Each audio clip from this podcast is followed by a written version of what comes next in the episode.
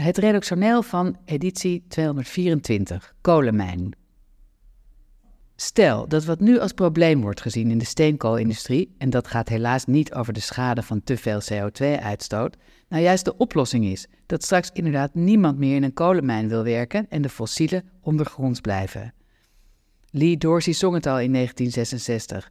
Five o'clock in the morning, I'm already up and gone. Lord, I'm so tired, how long can this go on? Want precies daar gaan de kopzorgen van financiers en handelaren over. Ze kunnen de jeugd niet meer zo gek krijgen het vuile werk te doen. Die roep om arbeidskrachten gaat aan veel potentiële werknemers voorbij. Cause I make a little money hauling coal by the ton, but when Saturday rolls around, I'm too tired for having fun. Als de vergoeding het nachtleven niet eens bekostigt, is het logisch dat de vacatures vacatures blijven. Iedereen wil Instagrammer, fotograaf of stylist zijn of in een café werken, zegt een Chinese fabriekseigenaar. Er zit voor hem en zijn collega's niets anders op dan met dure strategieën werknemers aan te trekken en te behouden, want het geglobaliseerde productiemodel waardoor goedkope goederen over de hele wereld verspreid kunnen worden, heeft zijn langste tijd gehad. Was er maar beter naar de hit van Dorsey geluisterd, dan bestond er wellicht iets als langetermijnplanning over de politieke ambtsperiodes heen. Maar nee, het blijft working in the coal mine. Alleen danst men nu de twist bovengronds, of twist en betwist men. Nou ja, eigenlijk bijna alles.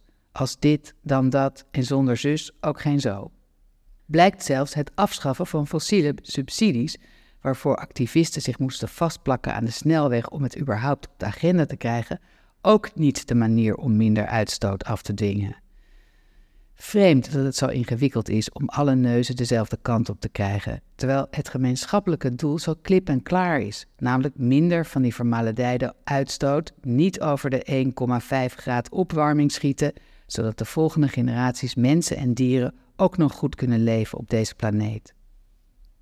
De Keniaanse president William Ruto stelde een nieuwe groene wereldbank voor. Schijnt een doordacht plan te zijn dat er al lang geweest had kunnen zijn. Welvarende landen zouden lage lonenlanden moeten betalen om af te stappen van fossiele brandstoffen in plaats van ook daar de reserves uit de grond te halen voor eigen gebruik. Misschien is het architectonische gat in een gebouw daarom zo belangrijk voor veel ontwerpers. Er moet uitzicht zijn op het volgende inzicht.